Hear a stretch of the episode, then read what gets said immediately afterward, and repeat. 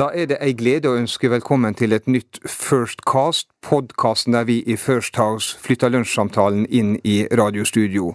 I dag skal vi innom Israel og olje, men før det så spør jeg hva gjør egentlig en statssekretær, og hvorfor er det så vanvittig mange av dem i regjeringsapparatet? Og til å hjelpe meg med det, så har jeg to Vi diskuterte litt om vi skulle si tidligere statssekretærer eller avdanka statssekretærer, men Morten Wetland og Erlend Fuglum, velkommen til dere også.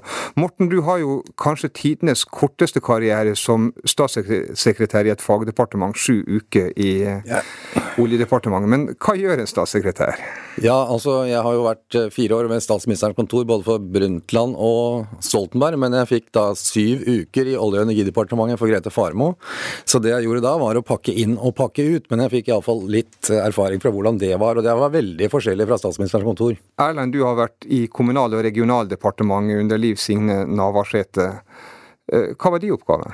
Jeg hadde jo en litt spesiell rolle, fordi at uh, Liv Signe var jo partileder i tillegg til å være statsråd. og det er jo sånn at Partilederne eh, får jo en ekstra statssekretær til å hjelpe seg med, med, kommunikasjon, til å være pressekontakt og uh, det som noen kaller for spinndoktor ellers. da. Uh, så I tillegg til å drive koordineringsarbeid, så hadde jeg ansvar for kommunikasjon til partilederne og statsråden. Men, men altså, nå, nå, har vi snakka om litt sånn uvanlige statssekretærroller. Ja. Morten, du som var på statsministerens kontor, og du som var, var spinndoktor. Men disse andre statssekretærene Eh, hva, hva, er det de holder på med? Er de assistentene til statsråden?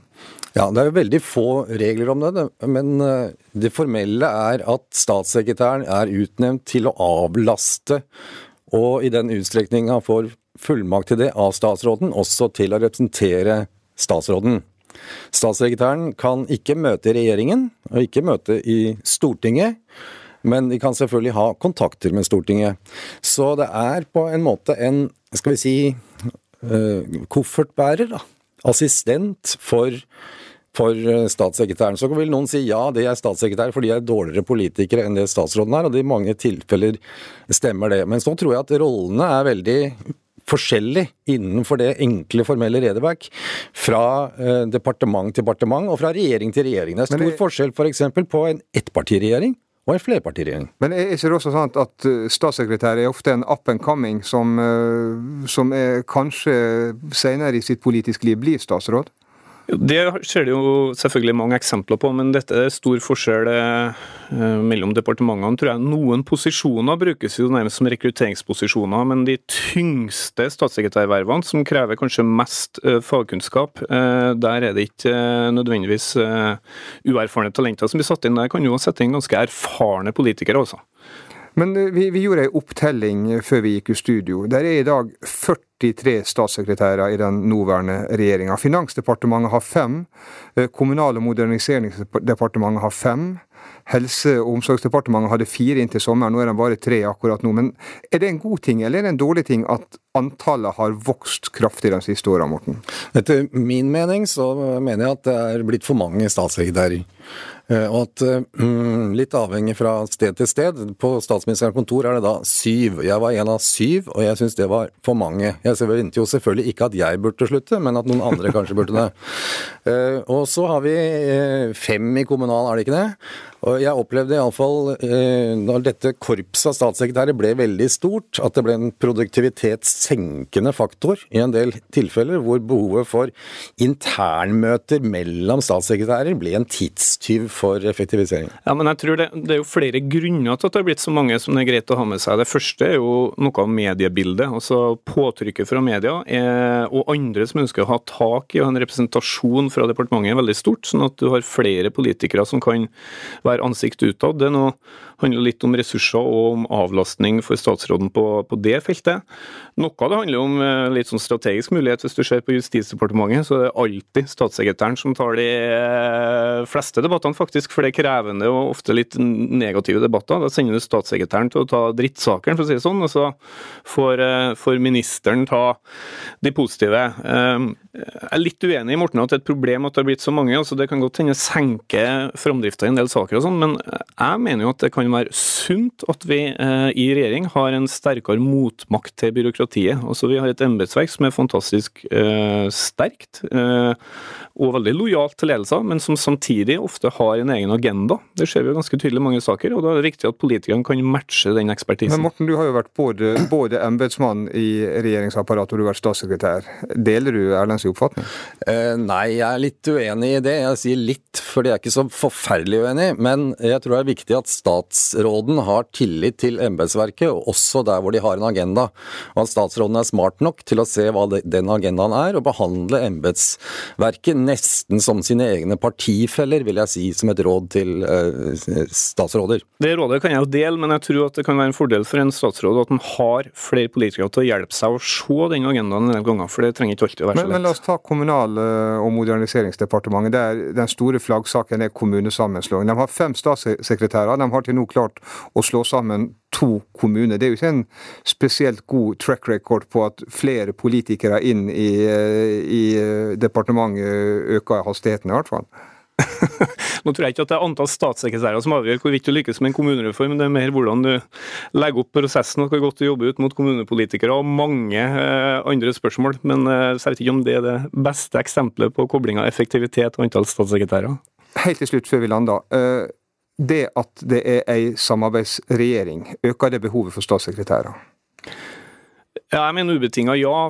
du, eh, Det kan jo være krevende nok helt sikkert å, å, å samordne arbeidet i en eh, ettpartiregjering, for det finnes jo ulike meninger i ett parti òg. Men når ulike partier skal samarbeide, så kreves det noen ganger nesten uendelige antall møter og timer med dialog for å komme fram til kompromisser.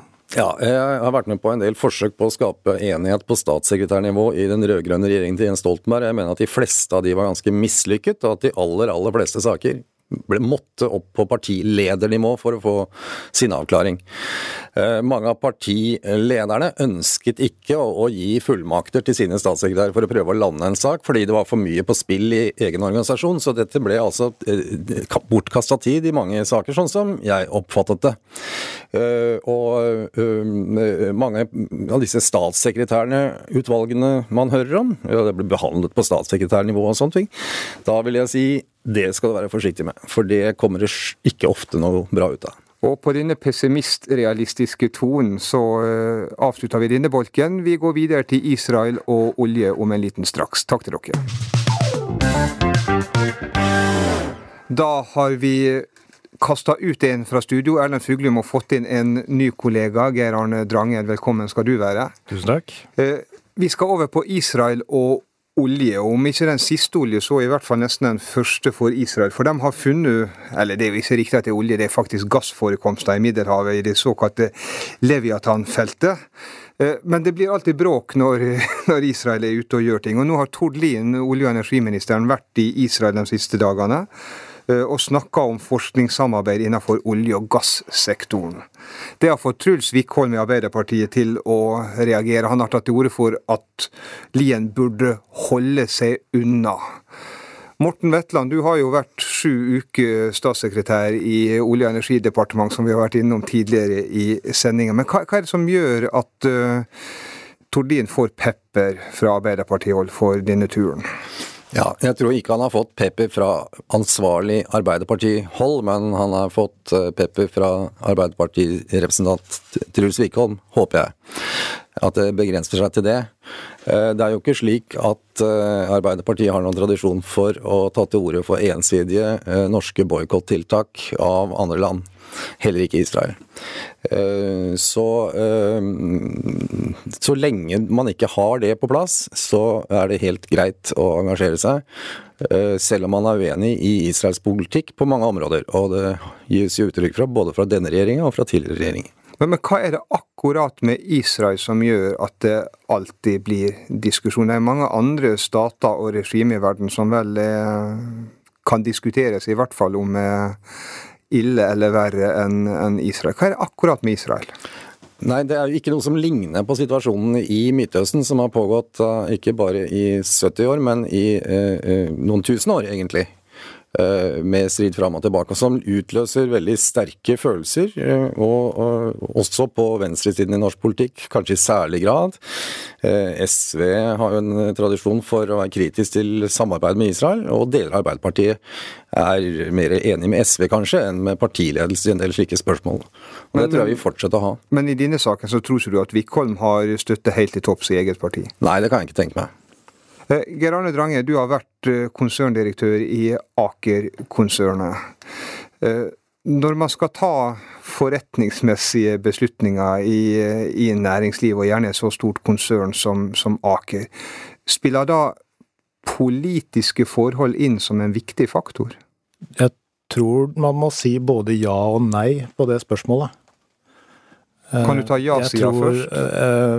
Nei, nå må jeg ta det i min rekkefølge. på en måte Jeg tror veldig mange innenfor næringslivet vil være opptatt av å tenke at det er ikke vi som bestemmer politikken, og det er ikke vi som bestemmer lovene, og det er ikke vi som bestemmer hvilke sanksjoner som skal gjelde.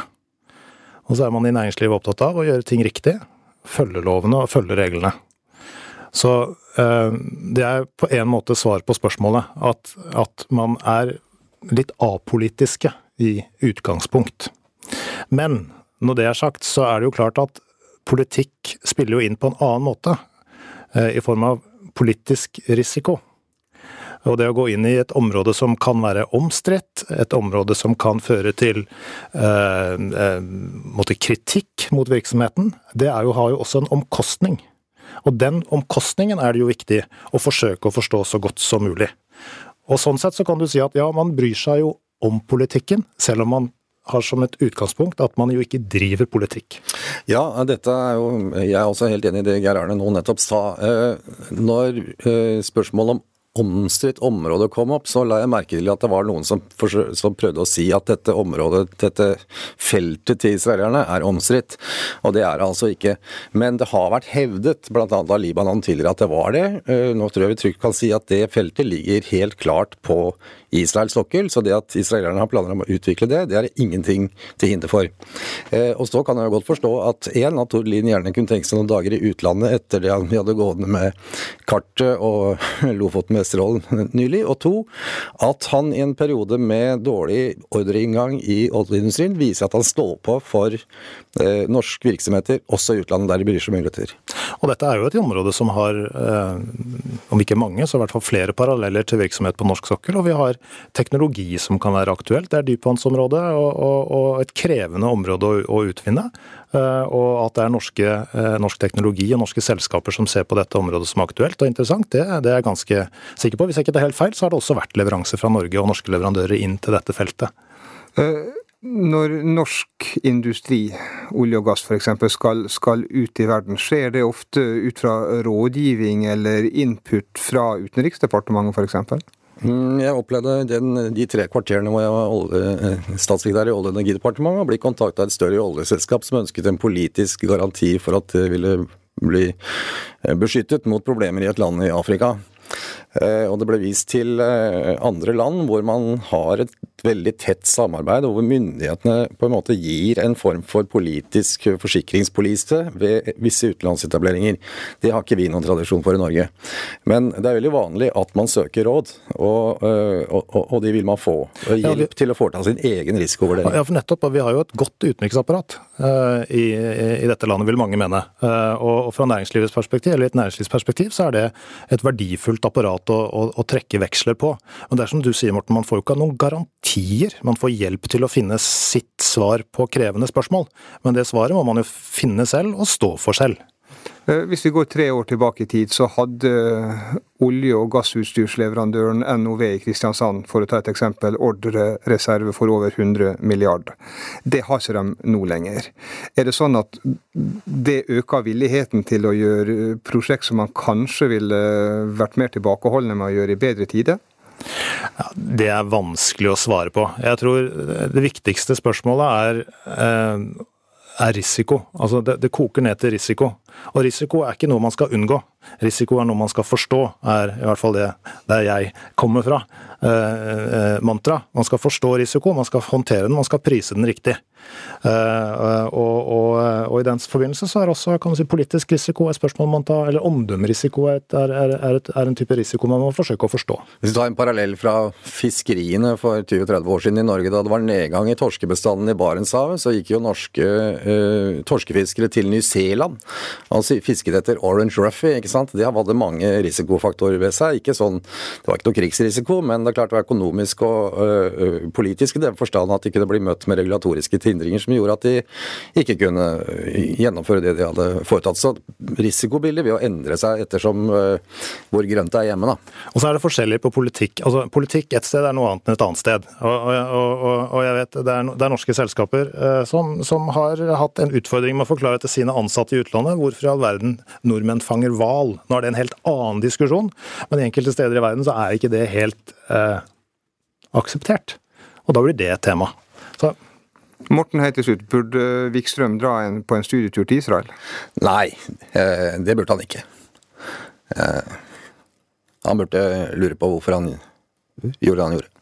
Og med disse visdomsordene så er dagens First Cast over. Du finner oss på SoundCloud, du finner oss på iTunes, og som alltid, du finner oss også på våre hjemmesider firsthouse.no, der det også ligger et strålende arkiv over tidligere podcasts.